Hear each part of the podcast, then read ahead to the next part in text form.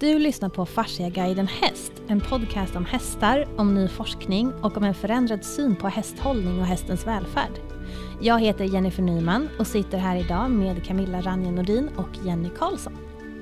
Och idag så tänkte jag att vi ska börja med att prata lite om hållbar hästhållning. Och vad innebär det egentligen? Det är ett väldigt stort begrepp, men vad betyder hållbar hästhållning? Ja, det innebär väl att man håller hästen på ett sådant sätt att den håller sig frisk trots att vi utsätter den för det vi vill använda den till. Kort och koncist skulle jag vilja säga. Ja, eh, man ska komma ihåg att hästen är inte skapt för att användas till det som vi använder den till. Den är absolut inte skapt för att ridas på. Den är inte skapt för att trava fort. Den är möjligen gjord för att galoppera fort. Men, men eh, allting däremellan.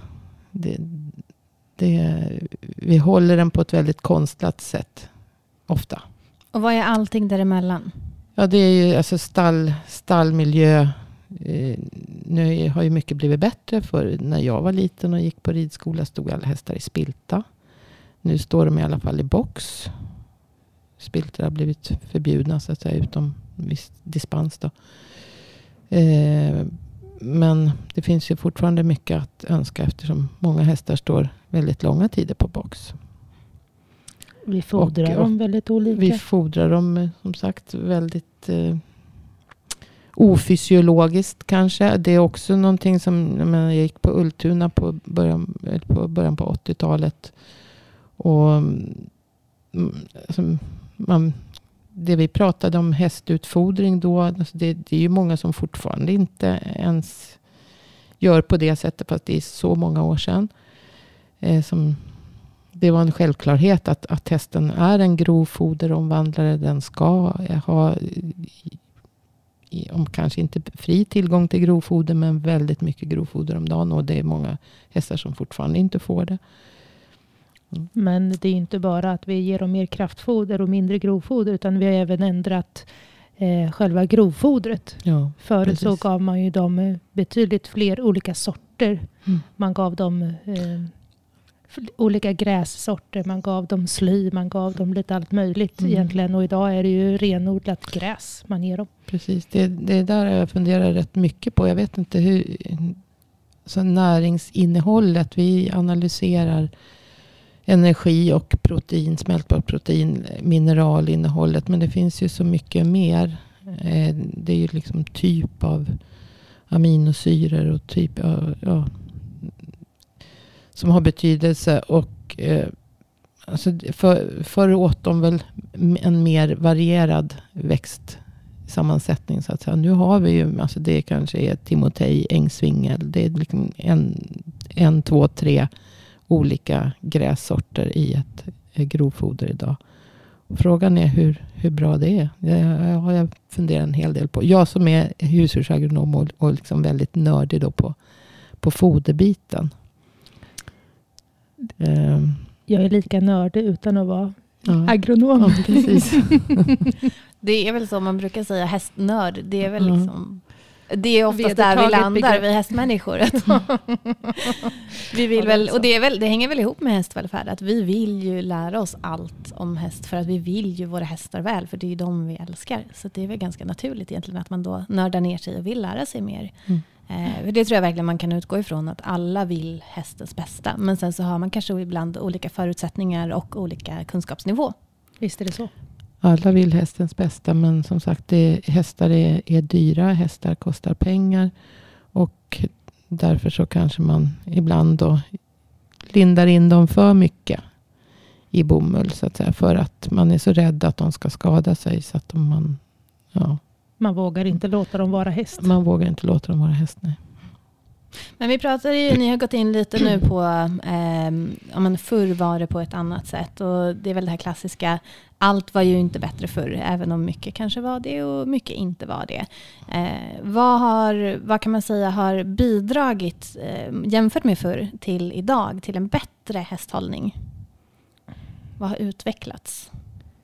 Ja, framförallt så har man ju börjat titta mer faktiskt på hästens välfärd. Fast jag tycker, på sätt och vis så gjorde man ju det även förr. Förr hade man ju en mer, alltså en mer gedigen syn på hästens naturliga eh, jag vet inte vad jag ska säga, men man tog hänsyn till hästen. Framförallt i inlärning och utbildning så hade man ju väldigt, eh, nu tänker jag på tiden för armén, hade man ju mm. väldigt eh, man tog längre tid på sig kanske? Ja, men mm. visst. Och man, alltså, varje sak hade sin tid och man, alltså, hästen utbildades grundligt under en lång tid. Det gör man ju inte idag. Samtidigt som idag har man ju eh, ett mer intresse alltså, av att hästen ska ha det bra. Man börjar titta mer och mer på vad behöver hästen? Rent, alltså rent naturligt. Och det forskas ju mer på, på häst idag. Mer, ja. liksom, mer så att man får, så att säga, inom citationstecken bevis för att vad de behöver. Ja, men precis. Och fler Förut och fler. hade man en annan kunskap av erfarenhet för när det var Ja, men jag tänker till exempel, vi har ju gått ifrån spilter mm. eh, i mångt och mycket. Det finns väl fortfarande kanske lite spilter kvar, men eh, arméhästar stod ju väldigt ofta i spilter. Men så jobbade ju de väldigt många timmar om dagen, så de fick ju rörelse ändå. Idag så jobbar vi hästarna väldigt lite. Men mm. ändå har de står stilla ganska mycket. Men det börjar ju mer och mer eh, med lösdrift och annan typ av hållning. Så att det mm. finns ju för och nackdelar. Alltså det finns saker som var bättre förr, men det finns också saker som är bättre nu. Eh, men jag tänker om vi pratar eh, hållbar hästhållning. Så nu har ni varit inne lite på foder och lite hur de eh, om de står i spilt eller box och hur mycket de rör på sig. Vad mer, om man ska säga, utsätter vi hästarna för? Eller vad mer eh, får hästarna uppleva idag i sitt liv som påverkar dem eh, och deras hälsa? Vi ställer ju ganska mycket krav på hästarna att de ska utföra so saker som enligt deras natur är helt onaturligt. Eh, vi transporterar dem i små lådor. Hästar vill kunna se stora ytor. Eh, de vill ha fri sikt. Vi stänger in dem både i stallar och i transporter. Och, eh, vi kör runt på dem. Vi belastar dem antingen som travhästar. De ska springa väldigt fort med utrustning. Vi belastar genom att sitta på dem och hoppa hinder. Och, eh, så egentligen allt vi använder våra hästar till är ju onaturligt för hästen. Så då är det ju ganska viktigt att den stunden, eller, och det är ju en ganska liten stund egentligen som vi lägger på att utsätta dem för onaturliga saker. Så då behöver man ju se till att all annan tid är så naturligt för dem som möjligt. För att kunna skapa de förutsättningar så att de klarar av den pressen helt enkelt att göra det vi ber om.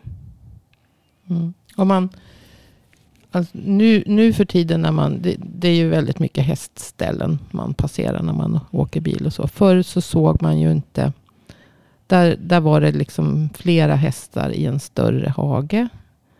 Det var inte lika tätt mellan häst. Alltså hästarna levde ju mer på jordbruk på det viset. Eh, men då såg man ju aldrig små rutor med hästar. Små grusade rutor. Men det, det är det ju tyvärr idag då. Men där de inte har möjlighet till så mycket rörelse. Vi effektiviserar ju väldigt mycket för att det ska passa våran vardag och inte passa hästens vardag. Mm. Så är det ju idag. Men tycker ni att, um, vi har ju då ändrat ganska mycket hur vi håller häst, mm. kan man ju summera det då egentligen. Men uh, tycker ni också att hästarna idag skiljer sig väldigt mycket mot för, jag tänker ni båda håller på en del med avel. Det har ju hänt ganska mycket på många sätt. Men uh, gör det också att de här hästarna som föds upp idag är känsligare eller bättre anpassade till hur livet ser ut nu? Eller hur, hur har den biten förändrats? Ja, det, eh, jag, hade, jag som jag sa det, jag hade min första fölunge 1980 när jag var 25. Eh, jag har hållit på med häst hela mitt liv så, men det var då jag fick möjlighet att föda upp eh, min första fölunge. Eh, och de hästarna, jag kan säga de hästarna jag hade fram till någon gång på 90 90-talet. de var ju helt annorlunda än, än de som, som jag har idag. I, i ett tag där så det, jag hade många hästar som fungerade alldeles ypperligt som ridskolehästar. Men eh, de jag har idag gör inte det kan jag säga. Då har du samma syfte med aveln nu som då? Jag är född upp hopphästar också, fast mer allround. Kanske. Men, eh, och det var inga dåliga hästar så. Men, eh, men de fungerade väldigt bra som ridskolehästar. Alltså temperamentsmässigt. Och de var, de var robustare. De, de hade ju en annan modell naturligtvis. Lite mer lågställda, lite kraftigare ben. En, nu är de alltså ädla, högbenta. Högre i, i, i blod och, och, och liksom högre. En, en högre känslighet. Så att säga. Men som sagt, det, det beror ju på att ja, dels, alltså jag kan säga det, anledningen till att, att det, det blev så för mig var ju att, att eh, sonen ena sonen som fortsatte att rida. Då, som hade två söner som red. Men, men eh, den ena som fortsatte, han dissar ju de här äldre, äldre tråkiga hästarna som han tyckte. Alltså de här som fungerade alldeles ypperligt på ridskolenivå. Jag tror jag sålde min sista till ridskola här för några år sedan. Och den, eh, den, var, den var faktiskt fantastisk. Den fick hoppdiplom som treåring. Men den, den fungerar alldeles ypperligt i ridskolemiljö. Och jätte nallebjörn. Men... Ja, alltså vi har ju avlat hästarna till att inte bara vara ädlare och mer känsliga. känsliga. Vi har ju också, alltså vi har ju avlat in en, en vilja att utföra ett arbete. Mm, De är ju mer benägna att vilja utföra det vi vill ha dem till mm. än förr.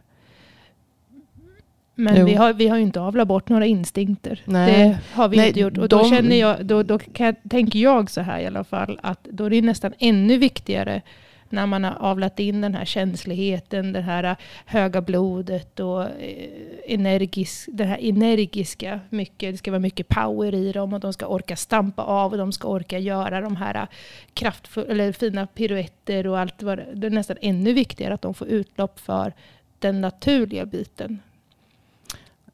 Alltså, nu glömde jag bort vad jag skulle säga. det var ju så nyss. Eh, Nej men vi, vi alltså hästarna, om man säger på 80-talet då. När jag då, inte var född. Ja precis, då var inte du född. eh, men 70-80-talet när, då när jag var i alla fall lite mer medveten om hästar. Då hade de en, de hästarna som jag hade kontakt med och som jag sen födde upp. Hade en, en högre tröskel för att utlösa. Alltså man, vi har inte avlat bort instinkter, som har ju fortfarande sina instinkter. Men vi, de hade en högre tröskel innan de, så att säga, ett högre tröskelvärde innan de så att säga, fick ut, bröt ut flyktinstinkter och så. De var lite långsammare i, i det fanns ju naturligtvis eh, mer nerv i olika varianter de är. Men, men idag så vill man ha är de, har man liksom fått tillbaka en, en, en mer större känslighet och en, den här jag ska inte säga flyktinstinkten, men, men alltså de, de är mer reaktiva hästarna idag. Men skulle ni säga ofta. att det kommer att man har avlat fram det eller att det är en kombination av att aveln har gått åt ett håll och också att hästhållningen har förändrats vilket kanske triggar det här mer Går det hand i hand eller det är det två helt olika saker? kan det ju mycket väl göra för just att de inte får utlopp för att gå i stor hage med kompisar. Så är det klart att de, man liksom bygger upp ett, ett behov av rörelse. Att de blir mer eh, reaktiva så att säga. Det var ju lite det, det jag ville komma till. Mm, att det är mm. nästan det, ännu det. viktigare ja, nu. Jo, att man precis, då får absolut. utlopp för sina naturliga... Mm. Eh, alltså de rör sig mycket, får äta grovfoder och allt det som är naturligt för dem. När vi har avlat fram den här känsligheten och den här eh, reaktiviteten. Och och det, är ju ofta, det är ju, och det är ju det vi har avlat fram nu är ju också det som vi upplever hos till exempel hobbyryttarna. Att de har lite svårare att hantera den här reaktiviteten. Eh, vilket gör att man kanske behöver själv vara lite mer eh, ha, ha lite mer kunskap om hästens historia och hur, hur den fungerar eh, i sina instinkter och sådär. Och då pratar vi inte bara i ridningen, eller hur? Utan Nej, vi hantering? Det här, ja, precis. Absolut. Det är allt som har med hästen att göra.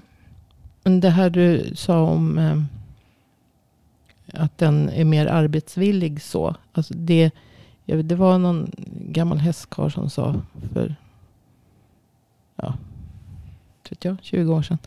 Eh, som eh, sa att förr så fick man, alltså den gamla typen av häst, de här som jag hade först, de fick man så att säga lära att hoppa. Mm.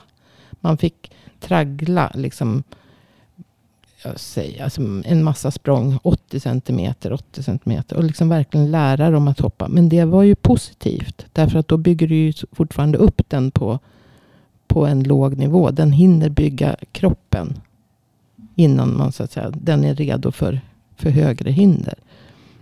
Men idag så kan du ta en, en typ nyinriden häst och hoppa 1,20. Det är liksom, den, den, den bjuder bara på hindret. Mm. Du behöver inte lära den att, att hoppa på det sättet. Alltså det, det var lite, förstår du vad jag menar? Det var liksom just det där att, att de, de, är så avlade på sin uppgift. Så att de, de har det så naturligt. Och då blir det de har så lätt för sig. Så att vi forcerar fram utbildningen. Vilket gör att det går för fort. Förut så var man tvungen att ta det väldigt från grunden. Därför att de var inte lika fokuserade på, på den uppgiften. Jag tänker bara till eh, förra avsnittet när vi pratade mer om fascia och hur man då behövde bygga upp hästen. Och vi pratade om att hellre eh, flera pass om dagen så att kroppen vänjer sig och kommer igång. Är det lite samma då? Att man tänker att som du nämnde då, att då hoppar de 80 centimeter, de gör det lågt, de gör det länge mm. och så mm. vänjer man kroppen. Så att, kroppen... Alltså att, att bygga, alltså bygga mus muskler går ganska fort. Men däremot att bygga fascia, kollagenet, har en väldigt lång omsättningstid. Så det, det tar lång tid att bygga upp ja, dels eh, fascian runt muskulaturen. Och, men senor, ligament, ledkapslar, allting sånt är ju en annan struktur av fascia. Så att säga. Det är liksom en, en mer stabil fascia. Men om, eh, alltså det finns ju många forskare som menar då att allting är fascia, även skelettet är fascia. Det är bara det att det är samma sammansättning med kollagen och, och grundsubstans, men att det är mineraliserat. Så att det är bara olika proportioner, som jag sa förut, med olika proportioner i, i fascian. Om det är skelett, senor, eh, benhinnor, ledkapslar, vad det än är, så, så är det liksom samma, samma. Eh, men, och det tar ju alltså väldigt lång tid att bygga upp och stärka det. Jämfört med muskulatur. Och man kan ju få en häst väldigt välbyggd och musklad. Men senor, ligament, ledkapslar, allt sånt. Och även fascian runt muskulaturen hänger inte med. Så du kan ju alltså lättare få skador i det. Därför att det är inte tillräckligt starkt. Men däremot så klarar musklerna klarar av visst jobb. så att säga. Men hästen måste ju ha, ha stöd av sin fascia för att bli en riktig atlet. Så att säga. Och sen får man ju inte glömma, glömma den mentala biten. Eh, alltså, I och med att vi har avlat fram de här lättlärda hästarna. De har lätt för sig, de vill arbeta. Eh, gör ju att de förstår ganska fort vad det är vi vill. Eh, och, så fort, och vi har ju en benägenhet att när vi ser att hästen förstår vad vi vill, då går vi vidare. Mm. Det är sällan vi befäster ordentligt, att hästen får känna sig duktig. Det här kan jag, det här känner jag igen. Att deras mental, alltså inte mentalitet, utan deras, ehm, eh, den mentala biten. Att de får liksom mogna in i varje, varje ny sak de lär sig. Det ska sätta sig i kroppen. Eh, går man för fort fram eh, och går vidare lite för fort, det sätter sig också i kroppen. Mm. Hästen blir först mentalt stressad över att den kanske inte riktigt har hunnit eh, vänja sig vid det den ska göra. Eh, och sen så går man vidare och så bygger upp en stretch. Och det sätter sig jättemycket i kroppen. Stress påverkar ju fascian enormt mycket. Stress med sin eh, kortisolutsöndring då. Alltså stresshormoner, kortisol. Kortisol höjer blodsocker. blodsocker, hög blodsockernivå gör också att fascian blir stelare så att säga. Det blir eh, något som kallas för sockerbindningar. Jag tror inte att det här är någon större skillnad på hästen. Det här det är ju i och för sig känt på människa då. Men jag tror att det är ungefär samma på häst. Så att det blir så kallade sockerbindningar som gör att kollagenfibrerna inte blir lika rörliga. Inte lika, utan det blir mer stuck. Så. Och den här stressen den eh, påverkar ju då hästen rent fysiskt. Mm. Precis som att vi människor blir påverkade av stress rent fysiskt också. Eh, kan det också hänga ihop med hästens psyke? Ja. Att den är mer lättstressad menar du? Eller vad menar? Ja, men jag tänker om man kanske har en häst som man upplever är svår i hanteringen eller att den är väldigt eh, explosiv eller sådär. Kan det vara så att man då kanske har tränat den mer på kapacitet än eh, att man har väntat och låtit det här få sjunka in ordentligt rent mentalt också? Alltså du skapar ju att det blir kanske psykiskt om man stressar för fort, tänker jag. Eh, om, om, ja, alltså, eller menar du att det skulle vara inavlat att psyket... Eller vad, jag, in, inavlat menar Inte inavlat, in, men att vi har avlat in dem. Jag vänder på ja, det. Jo. Är det det du menar? Att psyket skulle ha... Att, det, att vi har avlat in att det blir mer stress eller, vad, eller vi, att vi påverkas att det blir mer stress? Eller vad tänkte du? Vi pratar ju om att hästarna idag har mer nerv. Mm. Eh, lite så. Mm. Och sen så pratar ju du om också då att man kanske, för att hästarna har så mycket kapacitet, mm. så tar vi upp dem i nivåerna väldigt fort mm. utan att eh, kanske låta det befästa, smälta, sjunka in mm. och sen gå vidare till nästa steg. Eh, kan den processen påverka också vilken typ av psyke hästen upplevs ha. Absolut. Mm. Med tanke på att det du utsätter den för mentalt sätter sig i kroppen. Och det är därför man vill upprepa under en lång tid. För ju mer de mentalt blir mognare, desto bättre kommer det sätta sig i kroppen och desto liksom mer befäst blir ju det vi lär dem. Eh, om, om du stressar igenom någonting som skapar då ett obehag eller en stress eller någonting hos hästen så kommer det också sätta sig i kroppen. Och det är därför eh, tänker jag i alla fall att det kan vara svårt om en häst som har blivit eh, felaktigt inriden eller någonting där det, där, där det har hänt någonting. Det kan ju ofta vara väldigt svårt att få bort för att det sitter både mentalt och i kroppen. Så det är klart att vi kan stressa, stressa fast. Man, man säger att fascian har ju ett minne. Alltså det, det, fascian minns. Och fascian utav stress så är det också så att jag pratade i förra avsnittet om att det finns eh, celler i fascian som eh, bildar kollagen. Celler som heter fibroblaster. De fibroblasterna kan vid stress och spänning då, stress bygger upp en spänning, orsakar ju spänning. Eh, det vet man ju själv, om, om man blir stressad så liksom spänner man ju till och man lyfter gärna axlarna och liksom hela kroppen blir ju Eh, bortsett från det som händer fysiologiskt i fascian med ja, eh, stresshormoner och socker och så som jag sa. Så, så blir det då också, just de här fibroblasterna kan utav stressen omvandlas till något som heter myofibroblaster. Och myofibroblaster har en viss kapacitet, en viss möjlighet att kontrahera. Det, det, det hörs liksom myo i muskel. Eh, så att de, de har alltså en kontraktionsförmåga. Vilket gör att fascian så att säga spänner till.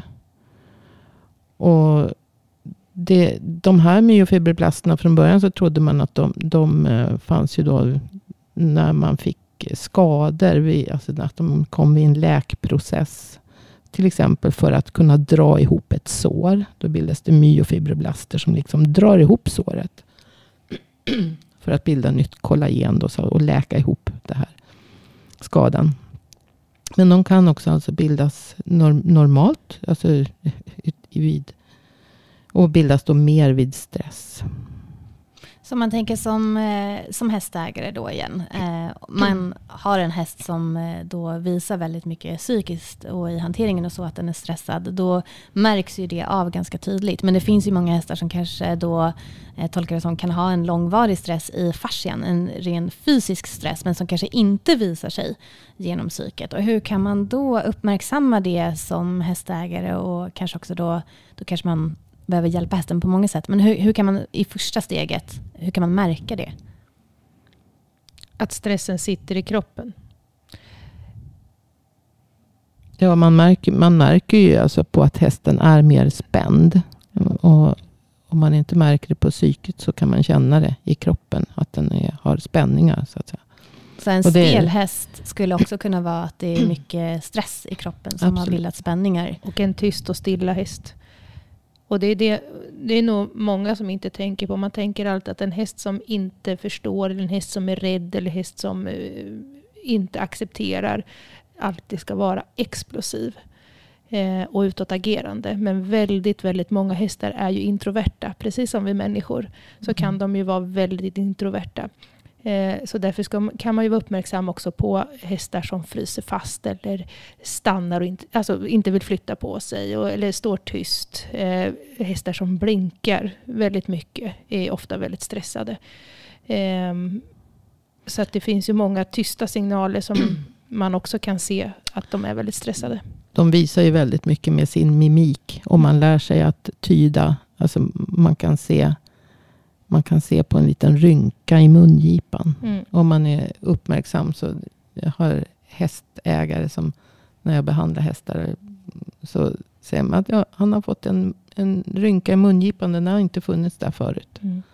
Nej, det, det, är någonting som besvärar honom. Men han, han kan ju inte tala om vad. Men eller, eller liksom ögonen och öronen, öronspel. Man, man får vara uppmärksam på alla små detaljer. Men just det att de spänner till mungiporna. Mm. Även en häst som gäspar upprepade gånger kan också vara stressade. För det, det är ju så, utsätter du hästen för tillräckligt mycket stress, när kroppen blir så pass stressad så den inte har någon annan väg att gå än att släppa på stressen, då, en överslagshandling. Överslagshandling. Mm. Och, och då måste de ju släppa på det. Och ett sätt att släppa på stress är ju att gäspa. Så även det som vi ibland tolkar som att det är för avslappning. Och det är ju för avslappning. Men det enda sättet hästen har att släppa ut den här stressen är via gäspningar. Så det kan lika gärna vara stress. Det fungerar likadant på människa kan jag säga. Om, du blir väldigt, om man sätter dig ja. i en besvärande situation. Mm. Så kommer en gäspning. Mm. Det, och hundar är fenomenala på det. Om man liksom gör någonting som de tycker att det här var jobbigt. Då mm. sätter de sig och gäspar. Men är det då, för jag tänker ofta så när en häst får behandling, mm. någon form av fysisk behandling, mm. så brukar, det, brukar man se att nu börjar hästen gäspa, ser du, nu släpper det, Exakt. nu börjar det hända mm. grejer. Och då är det egentligen då alltså att hästen hjälper till mm. att släppa på det som mm. sitter, som man då med behandlingen har börjat eh, luckra upp. Ja, det, det, är det parasympatiska nervsystemet som slår på. Det parasympatiska nervsystemet är det lugna, så att säga, som slår på med lugn och ro. Vi har ju, vi har ju två grenar utav det, det autonoma nervsystemet, det som vi inte kan styra över. Vi kan, eh, kan styra över eh, rörelser och så, skelettmuskulatur. Men, men eh, just det autonoma, som, där har vi då det sympatiska som är vid aktivitet eller rädsla, flykt, försvar. Men även alltså normalt när vi arbetar så är det sympatiska nervsystemet som är över, har övertag om man säger så. För att de här sympatiska och parasympatiska lever ju hela tiden i en balans. Så att det är inte så att det ena slår av och det andra slår på. Men det, de ska ju vara i en balans. När vi är aktiva, eller när hästen är aktiv, så är det sympatiska övertaget så att säga. Och sen när den kopplar av och när den har ätit och ska smälta maten och så, då är det parasympatiska som slår in. Så att matsmältning och så fungerar dåligt när det sympatiska nervsystemet har slagit på. så att säga. Då måste det parasympatiska ha överhanden. Om man då är hästägare och och eh, går ner till stallet nu och tittar på sin häst och ser att men det finns lite rynkor här. Och, eller att eh, ja, men, den gäspar mycket eller någonting av allt som vi har pratat om här nu. Att man faktiskt funderar på att okej, okay, även om min häst inte är så explosiv så kanske, kanske det är någonting. Jag kanske kan hjälpa den att må ännu bättre. Eh, det kan vara så att det sitter, eller att den är spänd och ja, men jag vill hjälpa den att lossa spänningar i fascian. Långsiktigt förstår jag att då måste man ju också göra en förändring. Det kan ju vara utrustningen eller hästhållningen eller någonting som påverkar som har lett till det här. Men hur kan man, utöver att ta reda på grundorsaken, vad mer kan man göra för att hjälpa hästen? För det är få saker som är permanent, tänker jag. Om man då vill att hästen ska eh, bli hjälpt. Om den har spänningar till exempel. Man ser spänningar i ansiktet. Du menar att man ska ta ut en terapeut och, och, behandla den? den jag menar ingenting. Jag, jag, jag, undrar vad ni tänker. Ja, vad kan man göra konkret? Liksom? Det beror ju på vad man har. Alltså, man kan ju försöka se över själv vad, vad det är som gör hästen stressad. Eller vad man har för kunskap. Så att säga. Men förhoppningsvis har man lite kunskap som man ser. Det, det kan vara stallmiljö. Är det så att den blir irriterad på en boxgranne. Eller har den inte någon bra kompis i hagen. Eller, alltså, man får se över hela miljön. Är, är det fodringstillfällen?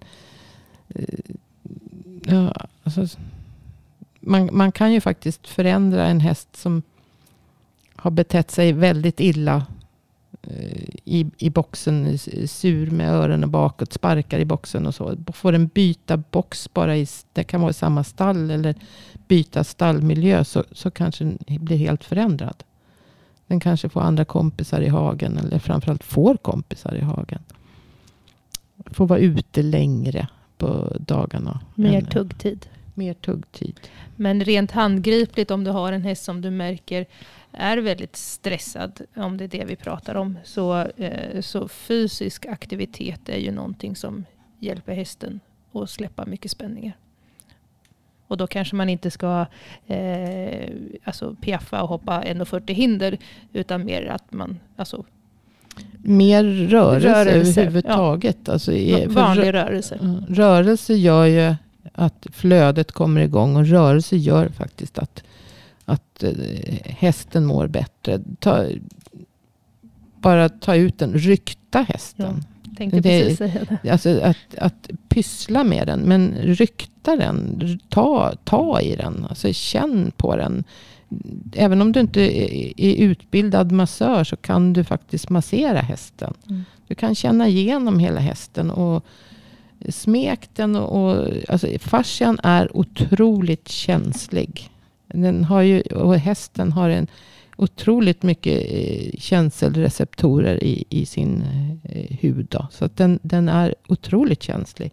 Och den, det kan ju vara så att den, den är så spänd och så, så att den tycker att det är obehagligt. Men då får man jobba med det. Men det är väl ganska vanligt att de börjar gäspa om de får en ordentlig ryckning också? Ja, ja, ja. Absolut. Ja. Och en del tycker inte att det är skönt. Nej, då beror det förmodligen på att den har så mycket spänningar. Så att det är faktiskt en obehaglig känsla. Därför, mm, är man så spänd i, någonstans alltså i fascian så, så kan det göra ont. Just det. Så egentligen då, eh, är man osäker på om hästen mår hundraprocentigt bra, eh, kan man säga, så kan man ta en checklista och bara göra små förändringar och se, blir det någon förändring i hästens beteende? Om jag börjar rykta den varje dag, om jag byter hage, om den får gå med kompisar eller att jag ser över fodret eller hur mycket strå, massa små saker, men att man börjar se förändringar och då också vara noga med att uppmärksam på att följa hästen. Hur reagerar den? Blir det någon förändring? Ja, och då är ju första steget umgås med din häst. Titta på din häst. Var mycket med din häst. Så att du lär dig se skillnad på när är den glad? När är den ledsen? När verkar den besvärad? Och det leder ganska bra till, jag tänkte att om man skulle summera det vi har pratat om den senaste tiden nu, att eh, just att dagens hästhållning ger egentligen då eh, större krav, både fysiskt och mentalt, på hästarna. Och det i sin tur ställer större krav på oss som eh, hästägare då, att vara just uppmärksamma på våra hästar och se de små detaljerna och vara lyhörda för våra hästar så att vi kan hjälpa dem att må så bra som möjligt. Mm. Ja. Men Eh, jag tänkte bara säga, för jag vet för 20 år sedan när mina grabbar var små och eh, red ponny och, och så. Eh, jag vet att jag alltid sa, jag var, det, det är bara för att det har kommit upp på tapeten nu. Eh, jag vet inte var jag läste nu. Någonstans. Men jag, jag sa redan, eller för 20 år sedan att folk som alltså, har hästarna inackorderade. Och sen, för jag vet att det var så, vi åkte till ett ställe och, och red med ponnyerna. Eh, och då, då kommer de hem från jobbet vid femtiden. Och då kanske hästen gick ute till, till fem ungefär. Tog in den och den hann inte äta sin middag. För då passerar man och skulle rida. Tar ut den och alltså rider den i en timme eller så. Och sen, så, sen fick den komma in och äta sin middag då. För den hade inte hunnit äta sitt grovfoder innan. Och jag sa alltid, ta aldrig ut en häst och rid den på tom mage. För, för att då har den alltså stått utan mat sen den fick säkert lunch. De flesta hästar får ju morgon, lunch, middag, kväll. Och eh, då tar, har den stått utan mat kanske fyra timmar. Fyra, fem i värsta fall. Och sen tar man ut den och så rider man. Och då har den inte tillräckligt med grovfoder i magsäcken. Då kommer alltså skvalpa upp eh, magsyra. Hästen har ju en sån magsäck så att den, den har som en liten kant. Som liksom, den har en, en del den övre delen av magsäcken är mer känslig och, och där eh, inte lika stark. Där är det ingen syraproduktion. Och där, där är inte slemhinnan lika stark. Men den undre delen, där är det en saltsyraproduktion. Och sen har den en liten kant, en liten hinna som, som gör att inte den här vätskan med saltsyra ska skvalpa upp i den här känsligare delen.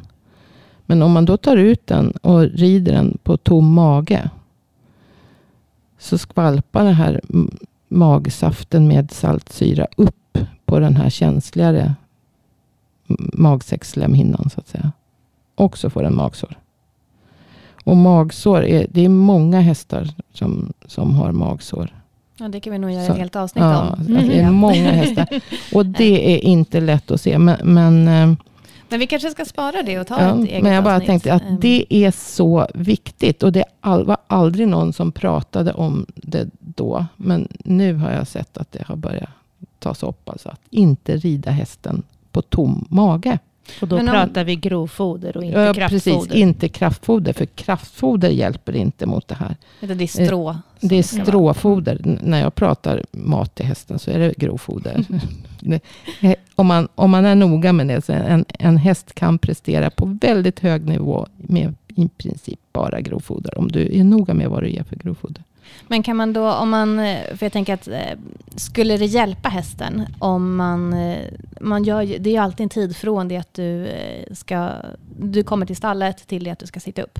Så att eh, även om du då har lite bråttom och det kanske har gått ett par timmar, kanske inte så lång tid, men är hästen ändå då betjänt av att ja, men du slänger åt den en tuss medan du borstar Du och gör i ordning. Låt den stå och äta grovfoder medan du gör i ordning den. Så har du i alla fall grundat någonting så att inte den här saltsyran skvalpar direkt upp på För jag en- känsliga delen. Det är en väldigt enkel sak att ta till sig. Att ja, Mm. men varje dag när jag gör i ordning min häst, då får den eh, tugga lite här precis Mm. innan. Eh, Jag har en vän som står i samma stall som mig. Eh, Och hon tar alltid in sin häst på gången och så sätter hon fast en påse med hö och så får han stå där och äta medan hon mockar. Mm. Sen när hon har mockat klart så tar hon bort maten och då börjar borsta och göra ordning sin häst för ritt. Och då har han fått alltså 20 minuter med grovfoder som han kan stå och äta innan hon rider iväg. Det är ett väldigt konkret och tänker jag, kanske enkelt oavsett hur om man är inackorderad eller eget stall eller så. Någonting man kan göra som kan hjälpa många hästar. Ja. Eller be någon ta in hästen innan så att den hinner på något sätt få sitt grovfoder. Om den In- inte kan äta ute i Ja. sin hage Ja. förstås. Vad bra. Då kanske vi rundar av det här avsnittet med, med det tipset. Se till att hästen får tugga en stund innan du rider. Eller tränar den överhuvudtaget.